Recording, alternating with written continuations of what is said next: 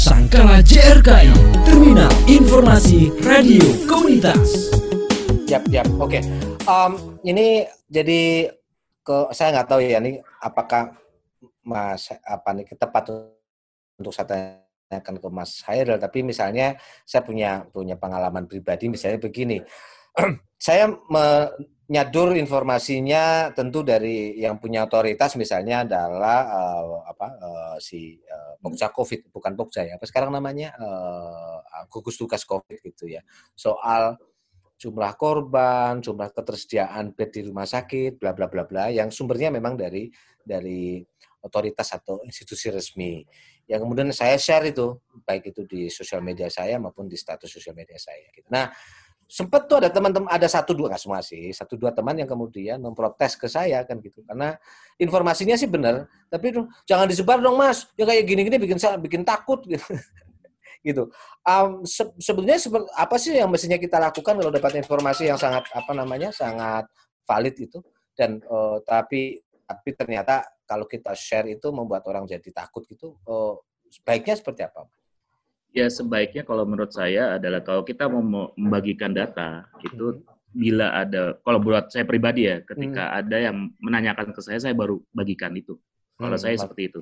Gitu Karena ya. satu hal yang harus kita hindari di masyarakat itu kita memang perlu membangkitkan apa kewaspadaan atau kewaspadaan uh, awareness di masyarakat gitu. Tapi hmm. juga jangan sampai kita membuat masyarakat takut. Yes. Oke. Okay. Gitu. Artinya okay. uh, eh, apa namanya? Kita lihat misalkan taruhlah di grup WhatsApp Mas ya. Hmm. Di grup WhatsApp misalkan ada yang ngebahas tentang uh, jumlah korban di daerah kita berapa hmm. segala macam atau penyintas COVID-nya berapa hmm. orang segala macam ketika ada ada diskusi itu ya kita bisa bagikan informasi yang fakta itu agar tidak terjadi uh, misinformasi atau disinformasi gitu dan apa namanya baiknya sih kita juga melihat kondisi juga yes. jadi informasi yang kita sampaikan jangan sampai membuat masyarakat panik oke okay. oke okay, ya membuat nah ini tadi oh, jadi soal soal grup WhatsApp ini ya.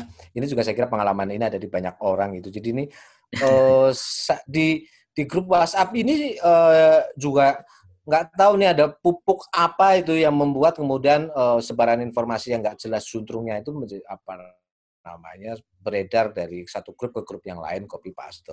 Seperti yang Mas tadi sebut tadi ada yang kemudian tolong sebarkanlah gitu. Terus ada lagi yang informasi ini A1 gitu nih A1 dari hmm. mana gitu ya dan uh, silakannya kalau saya pengalaman saya itu beberapa itu ada di grup-grup keluarga ya, grup keluarga yang kemudian posting itu di situ adalah uwa, hmm. Pak D, saudara, aduh ini gimana gitu mau saya marahin Pak D sendiri, mau uh, tapi ya dengan dengan men, tetap menjaga silaturahmi sih saya coba hmm. Meluruskan. Tapi seperti apa Mas sebetulnya yang mesti kita lakukan apabila kita dapetin informasi hoax yang beredar di grup-grup WhatsApp itu Mas? Ya, kalau bicara untuk hoax di yang beredar di grup keluarga, uh, saya punya banyak okay. pengalaman. Okay, mungkin Mas kasih tips. Grup keluarga dan grup keluarga dan grup biasanya Apa pun alumni, lah, ya, alumni ya, sekolah ya, ya. gitu. Yang harus kita lakukan adalah kita juga harus menjaga etika kita. Ya. Ketika misalkan memang uh, yang membagikan lebih tua, lebih baik kita japri dulu. Oke. Okay. Kita apa uh, kirim pesan ke orangnya langsung bahwa kita hmm. kasih tahu ini hoax uh, om, tante atau wa gitu. Hmm. Uh, mohon apa mohon maaf di apa dihapus saja yang di grup ya macam. Yes. Jadi tetap kita harus mengedepankan sopan santun karena itu kan nilai nilai kultur kita. Gitu dan yeah. Ya. uh, seandainya memang apa dia sadar dengan itu uh, dia otomatis akan menghapusnya. Kenapa kita saya menyarankan untuk untuk melakukan kontak pribadi dulu karena biasanya ketika kita langsung hantam di grup itu itu akan memicu ego ego kita sebagai manusia gitu. Oke. Jadi kalau misalkan ini saya lebih tua, misalkan saya memberikan informasi, lalu ada anak lebih muda, dia memberikan hmm. informasi bantahan, dia akan egonya yang main, bukan logikanya. Okay. Hmm. Gitu. Hmm. Dan makanya tadi saya bilang lebih baik kita japri dulu. Hmm. Sekali dua kali mungkin memang uh, akan apa belum akan terasa perubahannya ya, belum terasa perubahannya, perubahannya belum. Ya yang harus kita lakukan adalah konsisten. Yes. Konsisten saja. Kalau misalnya dia menyebarkan lagi, kita lakukan lagi. Hmm. Menyebarkan lagi, kita lakukan lagi. Dan pengalaman saya pribadi, akhirnya hmm. uh, keluarga yang menyebarkan itu biasanya japri atau teman yang menyebarkan itu bisa japri ke saya dulu. Oke. Okay. Ini benar atau enggak? Saya hmm. kasih tahu ini uh, enggak misalkan ini hoax misalkan. Dia akhirnya mengurungkan niatnya untuk membagikan ke mana pun. Oke, jadi ada rem kemudian ya? Iya. Ada rem ya. Oh, ini oh, ada rem. Jadi itu memang mengubah mengubah sikap dan cara pandang orang yang tadinya main apa main share, main copy paste ini ini anu ya perlu perlu proses ya. Iya, proses. Enggak, enggak perlu proses dan nggak bisa orang dimarahin begitu aja terus ini proses. Nah, ke, ke konteks uh, teman-teman di jaringan radio komunitas ini, Mas uh, Muhammad, ini kira-kira uh, Mas Heril ap, apa yang bisa dilakukan oleh kawan-kawan uh, saya di jaringan radio radio komunitas Indonesia ini? Jadi mereka kan punya pemancar, punya siaran hmm. radio kan gitu. Uh, untuk meliterasi lah. Pertama saya kira untuk untuk meliterasi dulu, yang kedua baru kemudian untuk melawan perang terhadap hoax ini. Apa Mas? Tips dan cara yang bisa dilakukan oleh teman-teman radio komunitas Mas? Eh, banyak sih Mas sebenarnya, tapi yang paling penting adalah hal pertama yang harus dilakukan oleh kawan-kawan komunitas uh, di daerah-daerah adalah hmm. membantu para pemeriksa fakta hmm. itu membagikan hasil periksa faktanya. Nah, Jadi pemeriksa fakta ini siapa? Pemeriksa fakta ini sebenarnya ini profesi baru mas ya di, okay. di di apa tahun maksudnya di era digital ini jadi pemeriksa ah. fakta ini adalah orang yang berprofesi hmm. untuk memeriksa informasi hmm, okay. fakta dalam uh, fakta sebuah informasi ya. jadi saya saya ini pemeriksa fakta dari Mavindo oke okay. apakah ada pemeriksa fakta dari organisasi lain misalnya ada dari okay. beberapa media misalkan saya ambil contoh dari Tempo dari okay. Kompas terus hmm. dari Liputan 6 masih banyak okay. lagi jadi uh, apa namanya sebenarnya banyak informasi bantahan hoax yang sudah dipublikasikan, hmm. tapi belum sampai ke masyarakat secara luas. Oke. Okay. Itu. bahkan Kominfo pun juga mempunyai kanal periksa fakta juga di okay. Kominfo, terus di beberapa pemerintah daerah seperti saya ambil contoh di Jawa Barat itu ada hmm. Jabar Saber Hoax. Oke. Okay. Terus di DKI Jakarta itu ada Jala Hoax. Gitu. Hmm. Jadi yang harus dilakukan oleh kawan-kawan uh, komunitas radio itu bisa menyebarkan kembali hasil periksa fakta itu di mana bisa mengakses informasi uh, hasil periksa fakta itu, Mas? Kalau dari Mavindo bisa cek di website kami di yes. turnbackrocks.id mm-hmm. atau di Instagram kami di turnbackrocksID. Mm-hmm. Terus bisa juga cek di forum kami di forum anti fitnah hasut dan hoax. Nah, kalau di Kominfo ada di websitenya sendiri dan di media juga biasanya ada kanal, tinggal cari kanal cek fakta. Mm, Oke. Okay. Nah, jadi beberapa media itu sudah memberikan kanal khusus kanal khusus cek fakta jadi bisa disebarluaskan di situ hasil periksa faktanya. Oke, itu yang itu yang dari Mavindo ya. Jadi apa nama websitenya mungkin coba dieja ulang Mas biar tercatat dengan baik ya teman-teman. Jadi turnbackhoax.id T U R N H O A X titik ID. Ya. Tango Uniform Romeo, ah itu hmm. Nancy hmm. atau Bravo Alpha Sera Blackhawks. Barco Alfa Sera Kilo ya. Mm -hmm. uh, Hotel Oscar Hoak ya. Hotel Oscar Alfa X ya, X ya, eh X pakai X. X ya, gitu ya. Mm. Itu silakan teman-teman nanti mengakses ke sana, teman-teman uh, para begiat radio komunitas di seluruh Indonesia maupun teman-teman yang uh, apa namanya mengelola radio komunitas, Anda bisa cek itu di di Turnbox uh, Backhawk terus back Don Backhawk tadi tadi untuk me, meng, melihat uh, mana yang sudah terverifikasi dan bantu bantulah itu kemudian disebarkan ke ke masyarakat. Mas ada titipan pertanyaan uh, dari Pak Joko ini Mas, uh, dia bertanya soal kalau saya sudah terlanjur ikut menyebarkan hoax, terus bagaimana? Apa yang harus saya lakukan? Yang pertama kita harus menurunkan ego kita. Oke. Okay gitu. Uh, jadi jangan khawatir untuk yang terlanjur atau tidak sengaja menyebarkan hoax hmm. karena tadi kan faktornya semua orang bisa kena hoax ya. Ya, ya. Bisa menyebarkan hoax juga. Jadi uh, pertama kita turunkan ego kita. Akuilah salah, minta Akui maaf. salah, minta hmm. maaf. Uh, ternyata faktanya ini. Jadi sebenarnya dengan kita mengalah, mengalah, menurunkan ego, itu kita hmm. membantu masyarakat untuk untuk apa tahu informasi mana yang benar atau yang salah. Oke. Okay. Jadi apa namanya ya ya kita jangan lari batu, lempar batu sebiji tangan maksudnya main hapus saja kalau misalnya kita salah menyebarkan hoax kita minta maaf saja oke okay. maaf terus kita berikan artikel faktanya seperti apa oke okay. itu itu itu cara yang paling bijak begitu ya iya. mengakui yeah. salah dan kemudian memperbaikinya dengan mm -hmm. Kan gitu bahwa informasi yang yang informasi yang sebelumnya saya eh, berikan salah mas karena kan ini kemudian yang kedua ada pertanyaan ini informasi pertama yang informasi pertama ini kepala sudah di, dipercayai oleh hmm. publik ya. Nah, informasi kedua ini menjadi tidak tidak se seheboh dan sangat mudah dipercayai orang. Ini gimana caranya untuk membuat uh, ke, tadi informasi pertama yang yang hoax gitu ya, sudah kepala dipercayai. Nah, kemudian ada informasi perbaikan kedua yang ini sebenarnya memperbaiki informasi yang pertama. Agar yang kedua ini juga kemudian sama kuatnya, ini gimana caranya? Sebagai pesan. Pertama sih eh, kita harus paham dulu bahwasanya yang tadi sudah Mas singgung sedikit. Hmm. Jadi bahasanya itu hoax itu menyebarnya lebih cepat dari cahaya. Oke. Okay. Nah, jadi ketika persebarannya sangat cepat, kita harus imbangi kembali eh, dengan informasi validnya. Oke. Okay. Gitu dan dan itu yang harus kita lakukan. Hmm, oke okay, oke. Okay. Jadi kita imbangi lagi, misalkan uh, taruhlah Mas Mas Budi misalnya dapat hoax dari hmm. grup grup keluarga atau grup WhatsApp uh, kantor hmm. atau apa pun itu, hmm. sebarkan kembali artikel periksa faktanya. Ya. Jadi kita kontra narasi.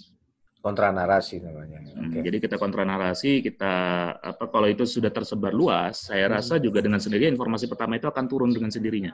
Oke, okay, oke, okay, oke. Okay. Gitu.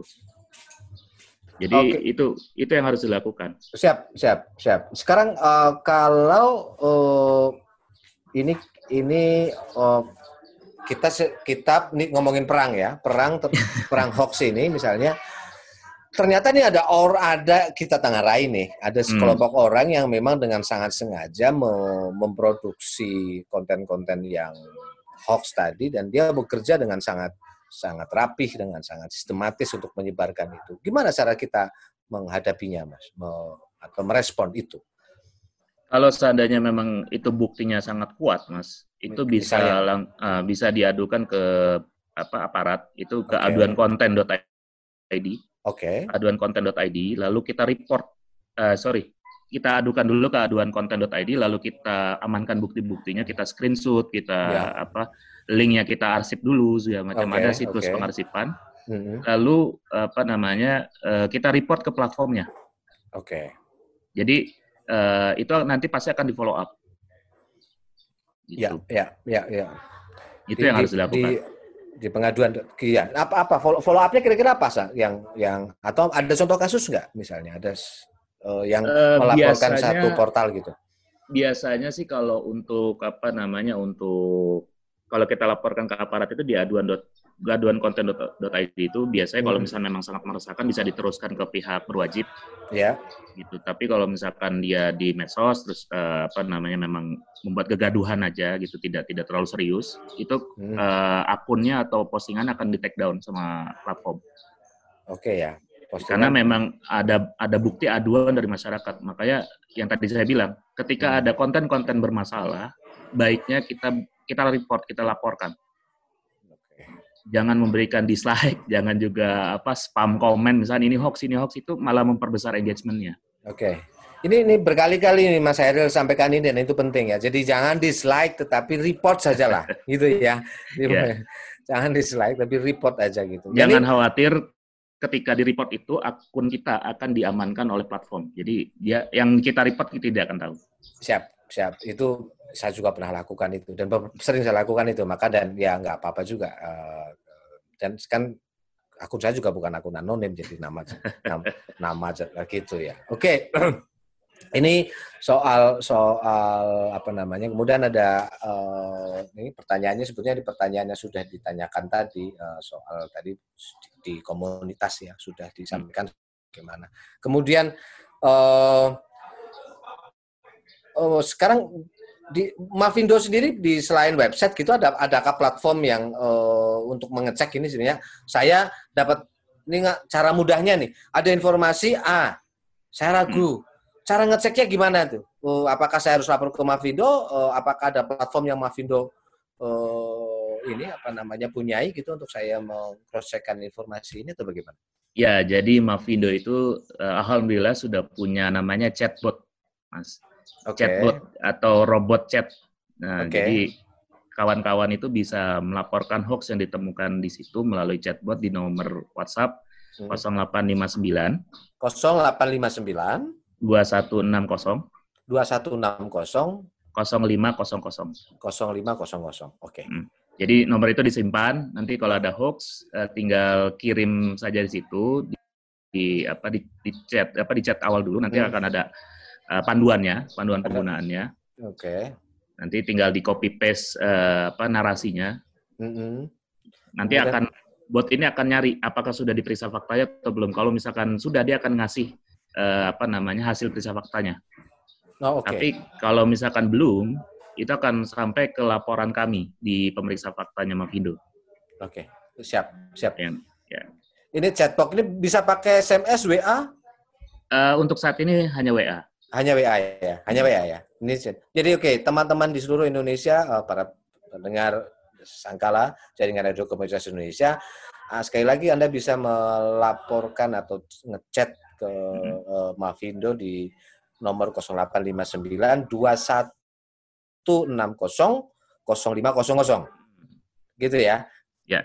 Uh, ini uh, uh, apa namanya cetok untuk uh, anda nanti ada akan ada panduan yang kemudian tinggal di copy paste dan di di sharekan ke situ. Ya, kalau misalkan ada yang sedang mengakses website kami itu uh -huh. ada ada bagian lapor hoax nanti tinggal di apa di email saja di situ hmm Ada lapor at tunbackhoax.id. Iya. Dan di situ juga bisa apa namanya bisa langsung ketik di websitenya, uh, tinggal disebutkan namanya siapa, email uh, pelaporan siapa, judulnya seperti apa, dan narasi hoaxnya. Kenapa narasi itu harus harus di copy paste? Karena dengan dengan narasi itulah kami bisa memeriksa faktanya di mana informasinya. Kekeliruan hmm, informasi ada di mana. Jadi ketika apa mengcopy paste atau mengcopy uh, narasinya diusahakan jangan melebihkan atau mengurangi. Hmm. Gitu biar kami bisa tahu uh, apa namanya informasi yang salah di sebelah mana. Hmm, oke. Okay. Oke, oke. Jadi uh, itu web yang bisa dipakai oleh teman-teman untuk me, me, ini ya mengkonfirmasi atau mencari tahu apakah informasi ini hoax atau tidak. Oke mas, kita akan kembali ke diskusi awal tadi soal soal ini hoax. Uh, hmm. Mavido sudah punya ini nggak apa klasifikasi gitu hoax ini apakah ada hoax uh, tingkat satu, tingkat dua, tingkat tiga gitu atau atau adanya hoax dan bukan hoax? Uh, kebetulan kami untuk melakukan pemeriksaan fakta itu kami memiliki kategorisasi, Mas. Oke, okay, seperti nah, apa? Mas? Kategorisasi ini kami gunakan dari uh, apa namanya first draft. Oke. Okay. First draft ini adalah lembaga internasional yang uh, fokus pada pengkajian media, okay. informasi. Nah, di tujuh kategorisasi itu ada uh, pertama satir atau parodi. Oke. Okay ada satir atau parodi yang definisinya itu artinya uh, konten tersebut nggak ada niat untuk merugikan tapi berpotensi mengelabui. Oke. Okay. Gitu. Jadi biasa ini uh, apa namanya niatnya orang untuk apa buat lucu-lucuan tapi di situ informasinya sudah ada perubahan informasi gitu. Ya, ya. Lalu ada konten yang menyesatkan itu jadi uh, satu informasi itu dipelintir dipelintir berlebihan hmm. sehingga menjadi sesat dan mem, apa, menyerang atau membingkai sebuah isu atau individu. Oke. Okay. Lalu ada konten tiruan. Konten tiruan ini biasanya adalah uh, apa namanya konten-konten mengaku sebagai orang lain. Yang saat ini sering-sering sekali muncul bupati ke konten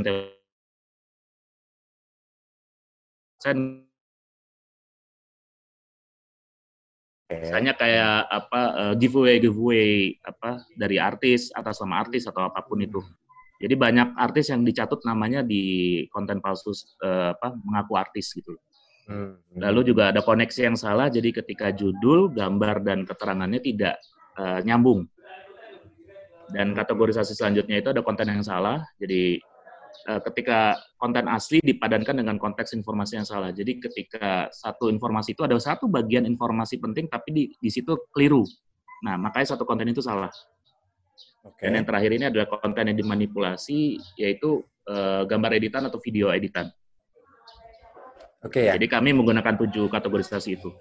Uh, tapi ini terlepas dari misalnya yang aku mau mau ngasih contoh yang terakhir gambar gambar editan pada hmm. konteks pada konteks ini apa istilahnya ya ini ini ini kalau di sosial media misalnya waktu itu ada ada lucu-lucuan nih ada anak cowok atau anak cewek dia pakai pakai baju alma mater gitu foto kemudian dia posting dan dia ngomong e, twips atau teman-teman tolong bantu dong hilangin jaketnya gitu kan nah itu kan kemudian ratusan orang bahkan ribuan orang me, apa namanya ngeditin walaupun jadi lucu-lucu gitu ya hmm. uh, yang ya kalau kalau ngikutin kategori yang tadi Mas Eril bilang sebetulnya itu hoax, tetapi itu itu lucu-lucuan itu gimana Mas kayak gitu-gitu itu? Uh, kalau untuk itu sebenarnya kan uh, dari si orang yang menawarkan foto itu kan dia sudah uh. bilang tolong diedit gitu. Uh. Sasaran dari kategorisasi kategorisasi ini adalah ketika orang yang diedit atau lembaga yang diedit bentukannya itu tidak melalui izin Tau. si izin hmm. orangnya gitu. Misalnya yang pernah terjadi itu dan sempat apa sempat terjadi di masa beberapa waktu yang lalu misalkan ada portal berita detik misalkan itu judulnya diubah. Oke. Okay. Nah itu itu wilayah sudah hukum mas, karena kita tahu detik itu kan perusahaan ya, itu ya. lembaga, misalnya or, eh, perusahaan media, media, dan dia bisa menuntut orang yang mengedit itu gitu loh. Okay. Atau misalkan uh, Mas Budi fotonya tersebar nih, Mas mm -hmm. Budi fotonya tersebar tapi badannya orang lain gitu, tapi Mas Budi nggak tahu nih, dan ternyata ada orang-orang yang kenal Mas Budi disangka itu foto asli. Nah itu itu udah editan ya? nah, ya. itu masuk ke dalam kategorisasi manipulasi konten. Hmm, ya, ya, Tapi ya, kalau ya. misalkan Mas Budi bilang ke saya, Mas tolong editin, nah itu kan Mas Budi yang minta. Iya, iya, iya. Ya. Itu itu itu, itu tidak kategori hoax ya. Karena itu kan misalnya terjadi itu aku bilang oh, aku eh foto nih foto kayak saya begitu saya posting dengan tolong dong hilangin kopiahku. Ah ternyata hilang jadilah sini apa mahkota lah jadilah ini gondrong jadilah itu. Netizen kan suka isengnya kebangetan tuh kalau lagi. Dan juga harus diperhatikan adalah seberapa besar kemungkinan orang mengira itu fakta. Ya Hmm. Jadi eh, apa namanya kita juga ketika melakukan editing editing itu juga harus hati-hati jangan sampai eh, kayak yang tadi saya sebutkan buat tingkat literasi orang beda-beda literasi orang beda-beda. Jadi ada mungkin saja kayak tadi yang saya bilang Mas Budi diedit, uh, ternyata orang mengira oh, itu Mas Budi beneran, padahal enggak kan. Hmm. Jadi kita harus hati-hati dengan itu juga. Oke, prinsipnya uh, berhati-hati lah uh, kalau mau hmm dan dan saya kira setuju dari soal e, soal etik ya. Kalau memang bukan karena permintaan orang yang bersangkutan atau sesuatu ya jangan coba-coba untuk mengedit gitu ya. Kecuali hmm. kecuali memang dibolehkan gitu dan uh, ini. Baik teman-teman di uh, apa di seluruh Indonesia para pendengar sangkala jaringan radio komunitas Indonesia maupun anda yang dengerin ini di uh, streamingnya Facebook gitu uh, silahkan uh, kalau ada pertanyaan kan gitu di forum ini. Oh iya ini ada ada satu pertanyaan nih. Bagaimana kalau edit foto tokoh jadi stiker di WA itu? ya kalau dari saya pribadi sih uh, apa namanya itu kan memang salah satu kreativitas ya. Kreativitas tetap ya. harus hati-hati. Editannya okay. juga jangan sampai berlebihan sehingga menjatuhkan pamor, uh, misalnya menjatuhkan kredibilitas orang itu. Oke. Okay. Jadi ya. jangan sampai uh, seolah-olah orang itu dalam tanda kutip uh, jadi apa namanya kredibilitasnya turun. Oh ya ya ya ya ya ya, ya itu secara kreativitas nggak apa-apa ya. Nggak apa-apa, gitu. tapi ya. juga jangan berlebihan juga jangan sampai apa namanya hmm. ya editannya sampai istilahnya berle, apa kayak menjatuhkan kredibilitas lah. Yes, yes, aku setuju itu. Termasuk juga mengeditnya kemudian menjadi bias gender misalnya itu ada beberapa yeah. yang gambar gitu ya. Aduh uh, sangat tidak menghormati keragaman uh, ya, atau saya atau soal laki-laki dan perempuan. Biar nggak terlalu biasa itu juga penting itu uh, biar tidak merendahkan salah satu apa ya. namanya, jenis kelamin lah di dalam. Kuncinya tadi yang Mas Budi sebut tuh hmm, etik. Etik gitu ya. Ini etik soal atau etik. tidak gitu loh. Iya ini semua orang ya sekira ya jadi penting ya ini uh, teman-teman di uh, sangkala jadi ya cek ya think before you post lah, hmm. pikir dulu lah sebelum diposting ini kira-kira ada etik yang dilanggar atau tidak gitu ya. Kalau ya etis nggak kalau misalkan kita ngedit gambar orang ya, ini. Etis tidak misalkan. gambar edit gitu jadi kepalanya gede badannya kecil gitu ya itu kan biarpun biarpun itu itu soal kreativitas yeah. gitu. Oke Mas Hairil uh, di penghujung hmm. diskusi kita um, saya mau ada satu uh, pertanyaan walaupun uh, Mas Hairil sudah sampai uh, nih apa tadi tingkat kecenderungan sekarang. Nggak usah ngomongin angkanya atau statistiknya mas. Tetapi semenjak 2015 tadi ada Mavindo ya 2016 mungkin udah mulai bekerja. Ke sini mas hmm. ini uh, hoax itu seperti apa mas? Nggak usah terlalu detail tapi kecenderungannya mas kayak apa? Jadi semakin besar semakin kecil dan tantangannya apa yang terjadi? Sama itu kalau hoax ini ya kalau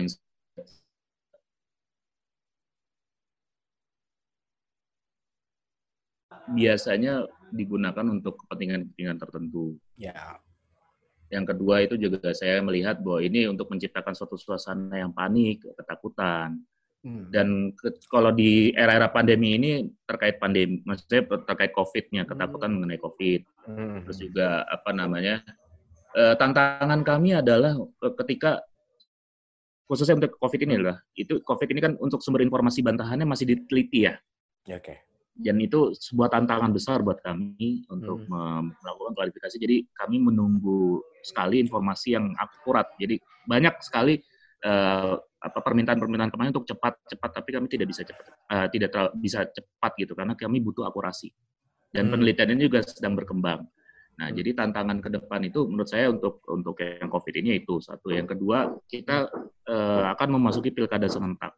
Oke. Okay itu juga menjadi tantangan buat kami karena uh, ini pasti formatnya berbeda dengan pilkada-pilkada sebelumnya hmm. karena ini masa pandemi. Hmm. Jadi mungkin akan ada hoax-hoax perpaduan antara apa hoax pilkada ataupun hoax covid itu. Hmm.